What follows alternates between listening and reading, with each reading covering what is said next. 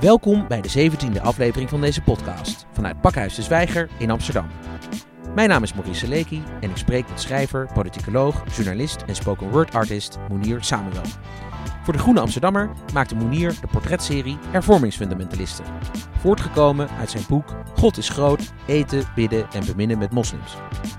Op vrijdag 18 januari vindt vanuit de Groene Amsterdammer een tweede live programma plaats rondom deze serie in Pakhuis de Zwijger. Monier, welkom in onze studio. Yes, dankjewel. Sinds januari 2018 maak je een serie voor de Groene Amsterdammer, uh, hervormingsfundamentalisten. En hierin portretteer je mensen die de islam van binnenuit willen veranderen. Zeg ik dat zo goed? Nee, dat is een, een, een deel. Het is een serie ook weer voortbeduurd op een Ramadan-dagboek wat ik in 2017 voor de Groene hield. Het is nu al twee jaar eigenlijk een doorlopend project. En in de serie laten kritische denkers aan het woord die reflecteren op religie, gemeenschap, samenleving. Dus het kan zijn dat de ene keer zich vooral richt op een bepaald maatschappelijk kwestie, de andere keer een taboe binnen de eigen gemeenschap. En anderen proberen inderdaad wel degelijk een meer Europese of een meer polder islam te ontwikkelen. Maar het is niet gezegd dat alle personen zich heel erg bezighouden met uh, religiekritiek. Ze zijn wel allemaal op hun eigen manier een scherpe spiegel. En doen ook aan de nodige zelfkritiek, zou je kunnen zeggen. De religie waar we het over hebben, dat is wel de islam. Ja, de personen in mijn uh, serie hebben islamitische roots, uh, maar niet iedereen is beleidend. Sommigen zijn zeer uh, orthodox, sommigen zijn salafistisch, anderen zijn ex-moslim. En er is een heel spectrum tussen. En ook dat is denk ik een meerwaarde van deze reeks. Met ieder portret dat ik maak, laat ik zien. En ook dit is een moslim. En veel meer dan dat, want niemand wordt de facto geïnterviewd als moslim. Iedereen wordt geïnterviewd vanuit een bepaalde professie, interesse, maatschappelijke rol. Uh, en ik probeer echt die gelaagdheid aan te brengen. Dus ook uh, etnische afkomst, uh, geaardheid, bepaalde visie op samenleving. En er zitten grote verrassingen tussen voor de lezer. Bijvoorbeeld een psycholoog als Esma Kamit, die zegt: Mijn lievelingsboek is de King James versie van de Bijbel. dus en het is een gehoofddoekte psychologe, gespecialiseerd in LHBT. Maar ze is zelf cisgender en hetero. Weet je, ik laat zien dat niemand of-of is. En dat we allemaal en-en zijn. En als je die en-en kan verbinden, dat het een kracht is. Even voor de goede orde. Jij bent zelf uh, christen. Ja. Uh, en, uh, en je bent genderqueer. Yes. dus je bent zelf ook heel erg en-en. Ja. Is dat de reden waarom je met deze serie bent begonnen? Uh, nou, de reden waarom ik deze serie begon was eigenlijk dat ik een relatie had, een zoveelste relatie met een islamitische vrouw. En merkte dat aan alle kanten barstte en brak. Zowel vanuit mijn familie die het uh, heel moeilijk vond dat ik met een moslima was. Vanuit haar familie die niet eens mocht weten van mijn bestaan. De samenleving die er niks meer van begreep. Sowieso niet van hoe onze uh, seksuele leven zou werken. Wat ik eigenlijk niet echt iets vind voor anderen om te bedenken. of hoe ik als christen met een moslima kan zijn. Hoe zij met mij kan zijn bla bla bla. En daarbovenop uh, word ik over het algemeen aangezien voor een sunnitisch heteroseksuele Marokkaanse man. Wat mij in een heel interessant, maar ook vaak lastig pakket brengt uh, in, in het dagelijks leven. En ik heb jarenlang islamitisch recht gestudeerd op de universiteit. Naast mijn studie politicologie. Omdat ik als Egyptische Nederlander besefte dat ik Egypte niet kan begrijpen zonder de islam te kennen in de vele verschijningsvormen van die religie. En eigenlijk is het vanuit dat minderheid zijn, zowel een christelijke minderheid hier in Nederland als in Egypte. Jouw vader heeft een koptische achtergrond, hè? Precies. En, en mijn moeder is hervormd bond, dus het is, uh, ik, ik, ik ben ook een minderheid hier. En vanuit dat minderheidsdenken voelde ik een heel erg verbandschap met Kijk, ik ben een minderheid binnen alle minderheden. Ik ben een, een, een christelijke, Egyptisch-Nederlandse, genderqueer, seksueel fluïde mens.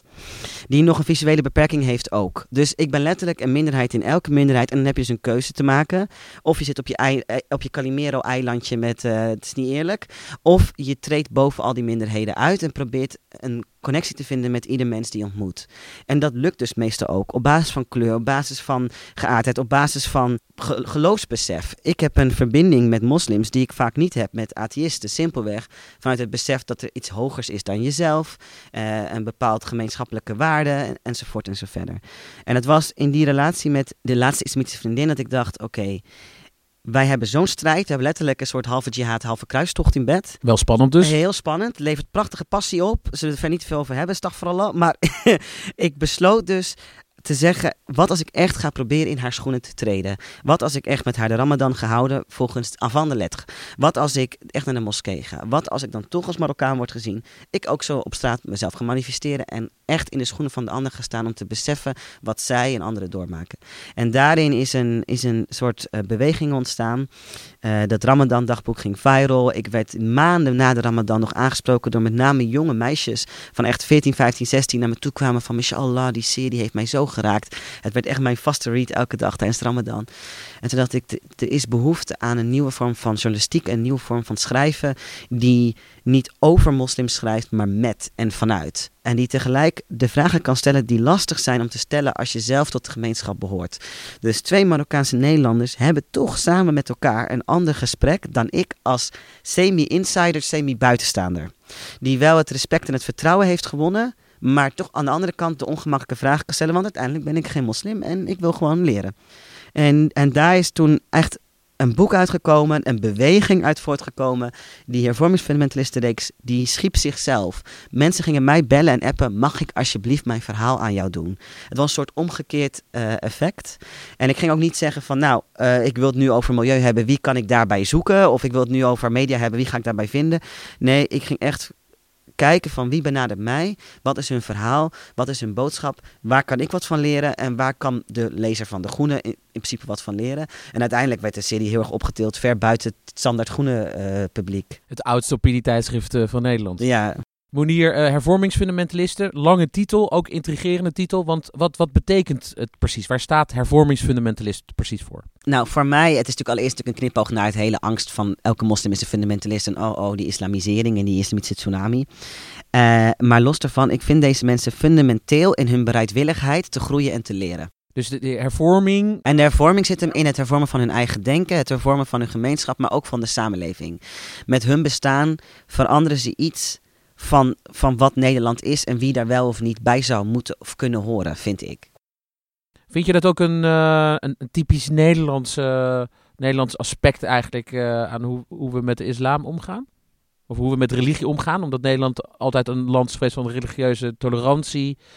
Nou kijk, als we over Nederlandse tolerantie hebben. Tolerantie betekent letterlijk, als het vertaald naar het Engels, to put up with things. En tolerantie of tolerare betekent dat je iets duldt omdat de prijs om er iets aan te doen te hoog is. Dus voor example, je accepteert de vervelende geurtjes van de wokolie van je Chinese buurvrouw, omdat de mogelijke burenveten die anders ontstaat een, een te stressvolle aangelegenheid is. En dus zit je elke keer je dood irriteert op het trappenhuis loopt, maar je zegt er maar niks van. En dat, is, dat vat heel goed samen hoe bij ons in Nederland altijd die zogenaamde godsdiensttolerantie is gegaan. Dus de katholieken werden geduld in Amsterdam, want ze brachten geld in het laadje, met name de Duitse kooplui. Maar ze moesten wel een schuilkerk hebben, zie onze lieve heer op zolder. En uh, bijvoorbeeld het feit dat in Nederland uh, het verboden was om met een Mariabeeld over straat te lopen in een processie uh, tot 1986 laat zien dat Nederland eigenlijk pas enkele decennia godsdienstvrijheid heeft. Want ik vind, hoewel ik niks heb met processies in zichzelf, maar zolang je zoiets verbiedt, iets wat trouwens de meerderheid van de Nederlanders beleed, want er is no altijd een meerderheid katholieken geweest versus protestanten, heb je geen daadwerkelijke godsdienstvrijheid. Dus die, die, die zogenaamde coexistentie was eigenlijk meer een marginaal naast elkaar dulden leven. Joden ook waren welkom, vooral omdat ze geld brachten en uh, mooie diamanten. En daar moeten we vrij hard en eerlijk over zijn. En het verklaart ook waarom Nederlanders niet de eerste en het, het sterkste groep waren om Joden in bescherming te nemen toen de Duitsers uh, een einde aan hen wilden maken. En ik denk dat dit heel veelzeggend is over hoe we met islamitische vraagstuk omgaan. Waarom? Omdat de islam een publieke godsdienst is. Dus je staat als samenleving voor uitdagingen. Heb je wel of geen halal eten? Kan je wel of niet werken met een collega met een hoofddoek? Um, wat uh, betekent eigenlijk die baard? Nou, bij een hipster is het heel cool. Bij, een, uh, bij iemand van mijn kleur is het uh, islamisering. Waarom moeten ze allemaal een religieuze naam hebben? We vergeten even dat heel veel Nederlanders ook christelijke namen hebben, want we kennen de Bijbel niet meer. en Mohammed voelt zeg maar in your face, de naam alleen al. En het is helemaal niet gezegd dat heel veel moslims halal leven of een hoofddoek dragen, maar de optie De mogelijkheid tot. En dat is een hele ingewikkelde. Geef je wel of niet vrij met suikerfeest? Hou je wel of niet rekening met de ramadan? Ga je examens op een ander moment plannen? Het zijn gewoon praktische vragen die nieuws voor ons zijn. Want wij hebben religie altijd heel erg weggestopt. Dus katholieken, daarom ook dat verbod op processies. Ze mochten naar hun kerk, maar deuren dicht, niet te luid zingen. We wilden het niet weten. Dus die publieke godsdienst, dat is dus dat het naar buiten toe wordt uitgedragen en dat het openbaar is en dat het in de samenleving Ja, of zichtbaar. Het is letterlijk zichtbaar, zichtbaar. manifesteert. Ja. Ja. Een katholiek herken je niet op straat. Een moslima met een hoofddoek wel. En dan word je dus geconfronteerd met dat er mensen zijn die religieus zijn. En dat vinden we heel ongemakkelijk. Want we zijn ook gewend dat. Ik bedoel, Nederland heeft echt een groot aantal christenen, maar de meeste kennen ze niet. Waarom?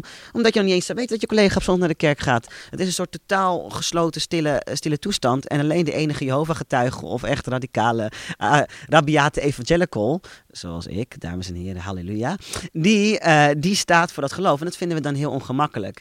En ik vind het, dit interessant, want het vraagt dus eigenlijk, het roept ons, bij ons allemaal een vraag op. Hoe kunnen we van tolereren naar accepteren gaan? Kunnen we echt diversiteit en pluriformiteit omarmen? Of blijft het een soort van. Het is zoals met de Pride. Leuk die homo's, maar moet het nou allemaal in het openbaar? Dat is eigenlijk best wel een, een goede samenvatting van hoe we met heel veel vraagstukken in Nederland omgaan. Ook die zwarte mensen zijn allemaal heel vriendelijk, maar ze moeten niet op zwarte piep beginnen. En ze moeten niet te luid en duidelijk en, en weet ik wat uh, zijn. Dat vraagt dus ook een andere vorm van burgerschap uh, in feite. Uh, van ons allemaal. Ja, ja, echt een actief en proactieve houding eigenlijk ten opzichte van de ander. En begrijpen dat. Kijk, Nederland is altijd een land geweest van eindeloos veel meningen. Ja, dus ook die zogenaamde nieuwkomer, of die tweede, derde, vierde generatie Nederlander, heeft een mening. En die hebben wij heel goed onderwijs gegeven, dus die wil die mening ook uiten. Je moet niet zeggen, we willen integratie, we willen dat iedereen een universitaire graad haalt. En dan halen ze het en dan zeggen ze, nou ken ik mijn rechten, want ik heb letterlijk rechten gestudeerd. En ik vind dat ik bijvoorbeeld wel een hoofddoek mag dragen bij de politie en het EVRM vindt het ook. En dan verbaasd zijn dat iemand voor de eigen rechten staat, waar wij met z'n allen zogenaamd zoveel waarde aan hechten. We gaan even terug naar de serie. Uh, je hebt al eerder een programma gemaakt, live in Pakhuis de Zwijger. Dus het eerste uh, programma uh, rondom hervormingsfundamentalisten. Wat heb je meegenomen van die eerste keer? Een week geleden belde een, een Turks-Nederlandse vriend mij op, die ik heb leren kennen tijdens die avond. Dus dat heeft nog vriendschap opgeleverd ook. En die zei, Monier, ik zit te reflecteren op 2018 en ik wil je zeggen, dat debat was de mooiste avond van het jaar voor mij. Mooi compliment. Waarom? Heel groot compliment. En ik heb gevraagd natuurlijk waarom. En hij zei, omdat eindelijk voor mij alles samenviel. Nederland, Turkije, mijn geloof, mijn twijfel. Het zien dat mijn vragen niet op zichzelf staan, maar worden gedragen door veel meer leeftijdsgenoten. Maar ook eindelijk zien dat er niet-moslims zijn die echt oprecht geïnteresseerd zijn naar mij en anderen te luisteren. En zich te verdiepen in mijn beleefwereld. Uh, de crossover van gender, kleur, alles, alles, alles. Het was voor mij een totale verademing. En dit is een, uh, een sentiment dat ik heel veel heb gehoord. Op een gegeven moment, direct na het afloop van het programma, kwam er een oudere witte meneer van in de 70 naar mij toe. En die zei: Nou, sinds 9-11 heb ik het vrij onrustig gehad s'nachts toch vaak gedacht, we gaan het heen met deze wereld en we gaan het heen met dit land. Maar als deze mensen zo zelfkritisch, zo openhartig kunnen praten, dan slaapt Kees vannacht gerust.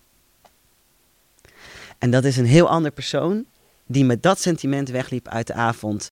Dat geeft trouwens ook aan dat, dat jouw avond niet alleen maar interessant is voor moslims, maar juist ook voor heel veel niet-moslims. Precies, uh... en dat zie je ook bij de serie. De serie wordt net zo hard gedeeld uh, door, door, door, jonge islamitische Nederlanders als door, uh, ik weet niet welke mensen uit de, uit de provincie. En die reactie heb ik ook op mijn boek gehad. Kijk, ik merk gewoon, we zijn in Nederland eigenlijk echt gevangen door angst heel erg het angst van de ander. En die ander ontmoeten we maar niet, want we zitten allemaal in bubbels. Nog versterkt door media, nog versterkt door de algoritmes. En op het moment dat je dus met elkaar in een zaal komt en eventjes ongemakkelijk heen en weer kijkt en dan toch ontspant, want je lacht even allemaal om hetzelfde grapje en je vindt het eigenlijk best wel boeiend en er is nog een leuk filmpje. En, en dan, oh wat interessant spreken, oh hij is ook interessant. En dan op, op zij, en dan op een gegeven moment zag je een soort ontspanning ontstaan in de zaal. Die was er niet direct, het was echt even een beetje on edge. Ook met Ramadan en dan ging ik nog een islamitische groet doen en dan zag je een soort van algeheel ongemak. En dan zag je langzaam een soort opluchting ontstaan. Aan het eind deel je met elkaar de maaltijd, want we hadden dus ook een iftar, omdat het Ramadan was. En daar deden net zoveel niet-moslims aan mee, die maar eventjes een paar uur hun eetlust hadden opgespaard, als wel moslims. En het, het, het was zo'n moment van verbinding en algehele opluchting van, hey, dit, dit kan, dit bestaat. En ik, uh, op een gegeven moment liep ik ook met... Uh, met Karima uh, El Falali terug bijvoorbeeld. Uh, zij had ook opgetreden, ja, ze had gezongen. En zij zei, uh, op een gegeven moment werd ze een beetje emotioneel. En toen zei ze, Monier, dit was de eerste keer in Nederland dat ik optrad. En dat ik voelde dat volledig aan mijn comfort was gedacht. Dat ik niet een bezoeker was, maar een vanzelfsprekende gast. En ze refereerde daarbij aan de gebedsruimte, aan het water dat klaar stond, uh, de melk en dadels die klaar stonden. Gewoon die kleine dingen waarin je laat zien, ik accepteer en begrijp dat je vast. Wij houden daar als pakhuis, als de groene rekening mee. Alles is zo ingericht dat jij daar veilig rustig kan bidden als vrouw. Niet gestoord door mannen. Alles netjes gesplitst. En dan kan je zeggen, ja, dat moeten we dat wel willen. Maar feit is, mensen hebben daar behoefte aan. Ze werden in die behoefte voorzien. Voelden zich daardoor veilig, ontspanden. En konden dus ook iets van zich laten horen. Letterlijk zij met haar zang. Uh, wat iedereen iets meegeeft. En wat, wat iedereen zegent, om even een christelijke term te gebruiken. En dat was eigenlijk ook waarom ik dacht, deze avond vraagt om meer. De serie is super tof, het is geweldig om op papier... In de serie heb je 17 portretten gemaakt inmiddels. Gemiddeld 5000 woorden per portret. Ja. Dat zijn echte long reads. Nou, mijn boek is uh, wat, 380 pagina's en nog veel meer uh, portretten. Een van je 13 boeken geloof ik ook? Uh, 10. Ja, maar ik, ik doe hard mijn best, ja. als het er 13 zijn, kom ik terug. Die portretten zijn, zijn prachtig en, en ze doen heel veel. Maar niks is even sterk als iemand face-to-face -face zien. Daarbij op een gegeven moment dacht ik, ik vind het allemaal hele leuke, boeiende één-op-één gesprekken. Maar wat als ik deze mensen bij elkaar aan tafel zet? Wat gebeurt er dan? En daarbij is het ook een kans om mensen een podium te geven die niet in de serie staan. Dus de helft is steeds uit de serie en de andere helft zijn nieuwe stemmen en geluiden.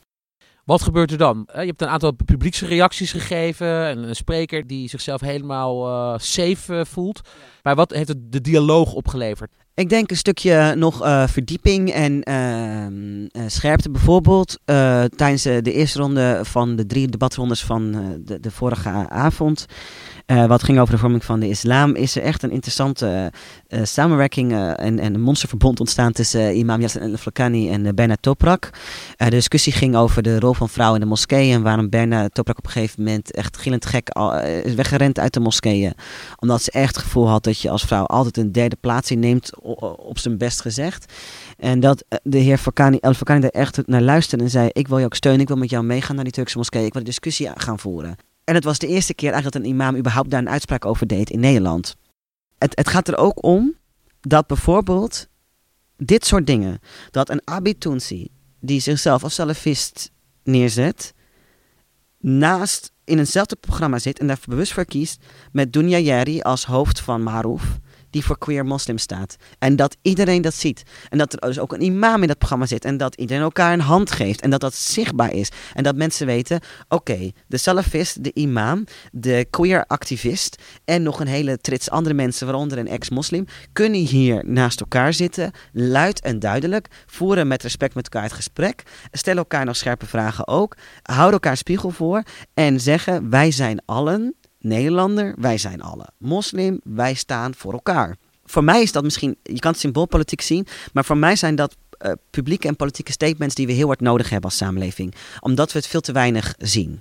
We zien wel op internet een hele discussie over een, een Marokkaanse acteur die dan wel of niet een homozoen zou kunnen hebben gegeven in de film en alle reacties erop. Maar we zien niet dit. Mensen die zeggen, ik sta hier, ik zit hier naast haar of ik zit naast hem. En we hebben daar een verklaring voor dat, uh, laten we zeggen dan in de mainstream media, dat daar weinig van dit soort samenkomsten worden ge georganiseerd? Omdat alles uitgaat van polarisatie en of-of. Dus bijvoorbeeld bij een debat denken mensen, oké, okay, debatten moet je tegenstellingen hebben. Dus een klassiek concept voor mijn debat of ons debat zou zijn. Uh, Oké, okay, zet moslims neer en dan zet je een paar echt super Arabiate ex-moslims neer. En dan zet je een paar atheïsten neer die überhaupt niet moslim zijn. En dan laat je die helemaal met elkaar clashen. En het is spannend als je salafist hebt, dan zet je daar gewoon een witte homo-activist tegenover. En die gaan dan met elkaar helemaal... Uh, en dat is dus alles voor de kijkcijfers. Ja, en vanuit het idee dat je dan een goed debat krijgt. Dat je dan een inhoudelijk debat krijgt. Maar dan krijg je een inhoudelijk debat. Dan krijg je een, een, um, een uh, loopgravenoorlog waarin je in defensief wordt gedrukt. En dan zie je dus weer het vooroordeel bevestigd. Die moslims hebben geen zelfkritiek. Ze zitten constant in een defensief, bla bla bla. Maar ja, als ik jouw kaart ga aanvallen op jouw kleur of religie, dan ga jij ook opeens als ik jou op jouw ouders aanspreek, ook al heb jij misschien helemaal geen goede band met je ouders, je wordt toch eens opeens pro je ouders, je wilt niet, niet weten. En dat is wat, wat er op zo'n moment gebeurt. En ik dacht, wat als ik nou alleen mensen die zichzelf als moslim al dan niet veel of weinig identificeren aan tafel zet, dan valt A. dat hele moslim zijn of de identiteit valt een beetje weg. Want het is dan al een gemeenschappelijke deel, dus dat kan je dan schrappen. En wat gebeurt er dan en wat voor discussie en gesprek krijg je dan? En dat gaat dus veel dieper. Want mensen zitten niet in hun defensief. Ze weten, ik hoef je niet te vertellen hoe geweldig de profeet wel niet is, want dat weten we allemaal. Nou, dan kunnen we misschien wel even een kritische kanttekening plaatsen bij de profeet. Of dan kunnen we wel een kritische kanttekening plaatsen bij uh, iets, een, een bepaald gebruik in de Turkse of Marokkaanse gemeenschap. Zou zo'n gesprek als dit uh, ook plaats kunnen vinden in een land als Turkije of Marokko? Ja, ze vinden plaats, maar onder mensen onderling. En om dezelfde reden, omdat dus een bepaalde identiteiten vanzelfsprekend zijn, gaat het gesprek vanzelf dieper. Het is zeg maar, het is alsof je met een Turkse Nederlander en een, een Hollander gaat discussiëren over Erdogan. Die Turkse Nederlander, of die nou pro of anti-Erdogan is, krijgt op een gegeven moment de neiging om Turkije toch uit te leggen, te rechtvaardigen, te verdedigen. Maar zet drie Turken bij elkaar en zij voeren een discussie over Erdogan waar je u tegen zegt. Maar dat, dat is omdat er een bepaalde vanzelfsprekendheid is van oké, ik hoef niet hier mijn land te verdedigen. En we zijn niet minder of meer Turks, hoop je dan, uh, als we nu kritisch zijn op Erdogan. Dat kan trouwens soms nog wel een discussie opleveren, maar goed. En, en dit is dus wat, wat ik probeer te laten zien en wat ook misschien een uniek concept is aan de hervormingsfundamentalisten debat, ook voor mensen die niks met islam hebben. Het is een nieuw debatconcept. Het is een nieuwe manier van praten en kijken wat dat, uh, wat het oplevert. En is het ook begrijpelijk voor, voor mensen die echt niets van de islam weten? Ja, zeker deze avond, omdat het helemaal niet gaat over islam. Het gaat echt over de doorbraakgeneratie. Rolmodellen, het is een hele positief vrolijke avond. Waarin ik laat zien van, kijk, nou, hier hebben we een heel peloton, een superboeiende namen mensen die echt allemaal onder de 35, allemaal millennials, allemaal jong. Uh, die, die ongelooflijke dingen doen. En die tegelijk eerlijk en openhartig gaan delen waar ze tegenaan lopen. En ik denk dat dat een, een, een mooie spiegel gaat zijn voor ons allemaal. En ook iets om je aan, uh, aan op te trekken. Een soort uh, een avond van hoop maar ook het mes snijdt aan twee kanten. Want in hoeverre faciliteren we dan echt die doorbraakgeneratie? En willen we wel echt een doorbraakgeneratie? En wat bedoel jij met die doorbraak? Wat moet er worden doorbroken? Ik zie de doorbraakgeneratie als de groep jonge biculturele Nederlanders of islamitische Nederlanders die allereerst niet alleen vlekloze taal spreken en heel goed weten wat ze willen, maar ook de, deze samenleving goed genoeg begrijpen en kennen, wat vaak hun ouders niet zo gegeven was, om daadwerkelijk uh, verandering te brengen. Verandering binnen hun eigen gemeenschap als het gaat om bepaalde taboes of ideeën zoals, weet ik veel, uh, uithuwelijking of de rol van de vrouw of homoseksualiteit of wat dan ook. Maar ook uh, in zaken de samenleving die echt hun rechten weten op te eisen en voorbij die rechten werken aan belangrijke thema's. Bijvoorbeeld, dus duurzaamheid gaat echt een, een onderwerp zijn tijdens de avond. Het, eh, we denken altijd van, oké, we gaan een ingenieur uitnodigen die praat over duurzaamheid. En we hebben een debat over moslims, over positie van de vrouw. Maar er zijn superboeiende islamitische ingenieurs die zich heel erg inzetten voor duurzaamheid. Ik moest zelfs kiezen uit een stuk of twintig in mijn vriendenbestand van welk, wie kies ik die over duurzaamheid iets gaat zeggen.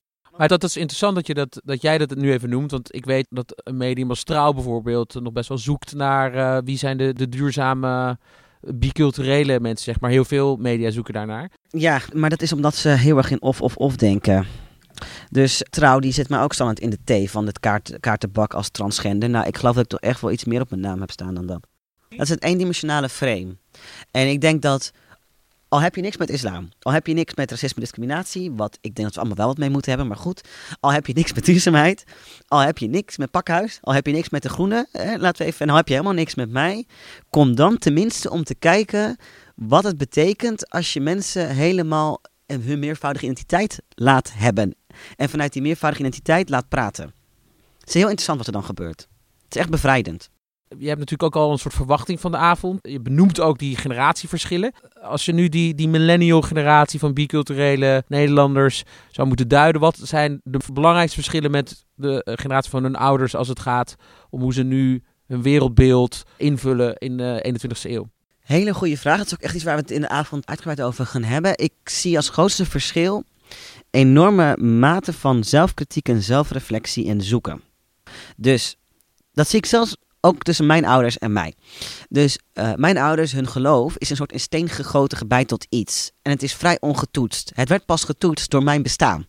Toen moesten ze opeens zich allerlei vragen af gaan stellen in zaken man-vrouw, homoseksualiteit, uh, gender, uh, interreligieuze. Die, alles wat je kan bedenken aan vraagstukken waar je als gelovig tegenaan kan lopen, die kwamen in mij opeens naar boven.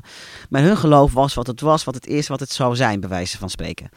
Nou, dat is zeker ook zo bij de eerste generatie uh, islamitische Nederlanders. Uh, het is een zeer conservatief cultuurgeloof, vrij ongetoetst, vrij ongefundeerd vaak ook. Durf ik echt wel met alle oprechtheid te zeggen.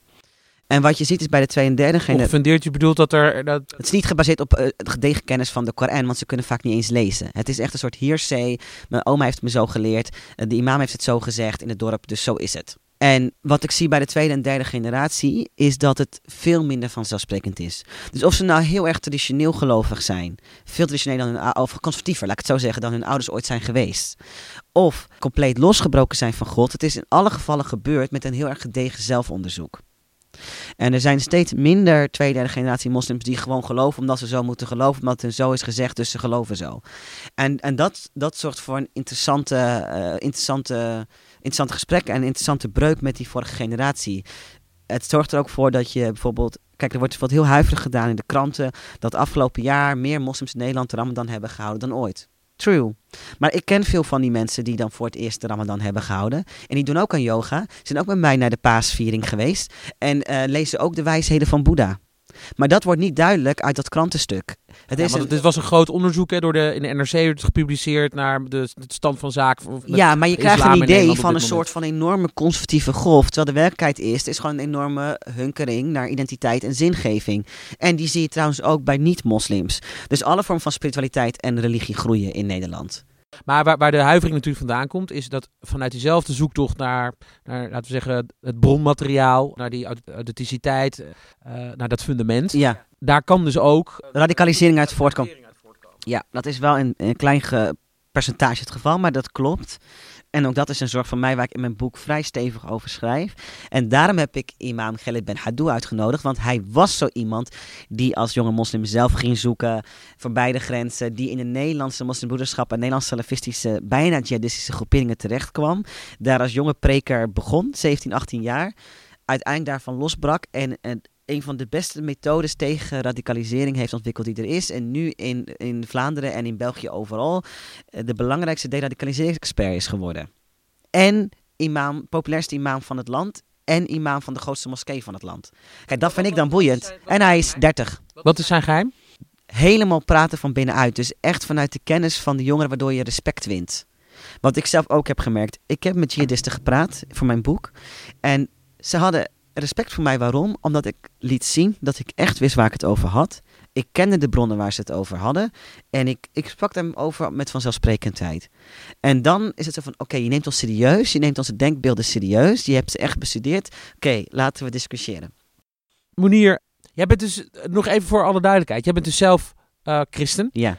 Waar komt jouw fascinatie met de islam eigenlijk vandaan? Of jouw interesse voor, voor deze religie? Nou, dat begon als kind af aan dat ik in Egypte was de moskeeoproep hoorde en mee ging zingen en dacht, wat zing ik nou? dat is één. Uh, vervolgens, de dag na 9-11 werd ik van mijn fiets getrapt. Uh, omdat ik een kind zou zijn van, van een vliegtuigkaper. Omdat de eerste vliegtuigkaper Mohammed Atta een Egyptenaar bleek te zijn. En ik zat op een gereformeerde school als enige niet-witte leerling. Uh, naast een protestantse school waar vooral moslims op zaten. En de hele winter werden de sneeuwballengevechten al dan niet met stenen in de sneeuwballen heen en weer gegooid tussen de moslims en de grefo's. En de hele zomer werd, werd op elkaar gegooid met water en andere uh, zaken. En ik zat daar heel gek tussenin. Aan de ene kant werd van de ene schoolgroep, eh, waarom zus zit jij daar, kom hier. En uh, ik werd door mijn meeleerlingen natuurlijk al heel snel verward met een van de andere school, door de kleur. Dus ik werd vaak medebekogeld door mijn eigen medeleerlingen. En ik besefte dat ik in een heel gekke situatie uh, uh, zit als, uh, als Arabische christen, feitelijk. En dus begon ik meer te lezen over de islam. En überhaupt zocht ik Kijk, ik, mijn geloof is ook niet uh, een traditioneel geloof. Het is een constant uh, zoeken uh, en, en, toetsen. Dus ik ging eerst ver voorbij Calvinistisch christendom kijken. de andere christelijke denominaties onderzoeken. Al die kerken af. Dat voelde niet bevredigend genoeg. Toen ging ik me verdiepen in de islam, het jodendom, boeddhisme, hindoeïsme. Maar ik vond islam het fascinerendst. Dus daar kwam ik steeds bij terug. En ik ging mezelf echt afvragen, wat geloof ik nou? Is Jezus voor mij de zoon van God of een profeet? En ik, ik het werd echt een soort persoonlijke spirituele zoektocht. Een kweeste. Ja, en vervolgens had ik het voorrecht het hele Midden-Oosten door te reizen als Midden-Oosten correspondent. En te bidden op alle heilige plekken binnen de islam. Zowel Sunnitisch als Shiïtisch, behalve Mekka en Medina. Dus zelfs in Iran ben ik in de heiligste moskeeën geweest. Waar je trouwens de doodstraf kan krijgen als je daar als niet-moslim ingaat. Dus het is me goed dat ik het overleefd heb en het nog na kan vertellen. En uh, het is een paar keer op het nippertje bijna fout gegaan. En in die hele, dat hele zoeken en ontmoeten. En tegelijk ook worden beschoten.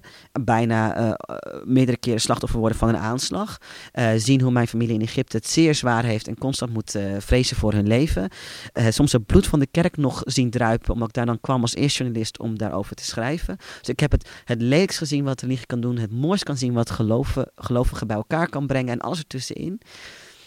En ik wilde echt mijn land begrijpen. En dan land is Egypte. En toen later dacht ik, maar zelfs Nederland kan ik niet begrijpen. Met alle huidige spanningen. Als ik niet snap waar de islam voor staat. En waar dat zo botst met whatever Nederland zou zijn. Dus uiteindelijk, eigenlijk om zowel mijn vader als mijn moederland te begrijpen, besloot ik islamitisch recht te studeren. En toen werd ik verliefd op moslima's en toen was het helemaal gedaan. En dat is eigenlijk meteen weer een hele mooie brug naar dit programma. Want uh, diezelfde vragen, want die zoektocht, die is nog helemaal niet voorbij. Nee, ook niet bij mijzelf trouwens. Nee, dus die blijft gewoon doorgaan. Als je nog één uh, oproep aan onze luisteraars mag doen, wat zou het dan zijn? Vrijdagavond, 18 januari. Muziek, dans, hele goede gesprekken, gelach en zelfs een halalborrel achteraf. Be there. Inshallah, yallah. Dankjewel, meneer Samuel. Beste luisteraars, dit was de 17e aflevering van de podcastserie van Pakhuis de Zwijger. Op vrijdag 18 januari is iedereen welkom bij de tweede editie van Hervormingsfundamentalisten, deze keer getiteld De Doorbraakgeneratie in Pakhuis de Zwijger. Meer informatie over dit programma en natuurlijk over onze andere programma's kun je vinden op dezwijger.nl. Een rating achterlaten of je abonneren op deze podcast kan via SoundCloud, Spotify, iTunes en Stitcher. Dank voor het luisteren en tot de volgende keer.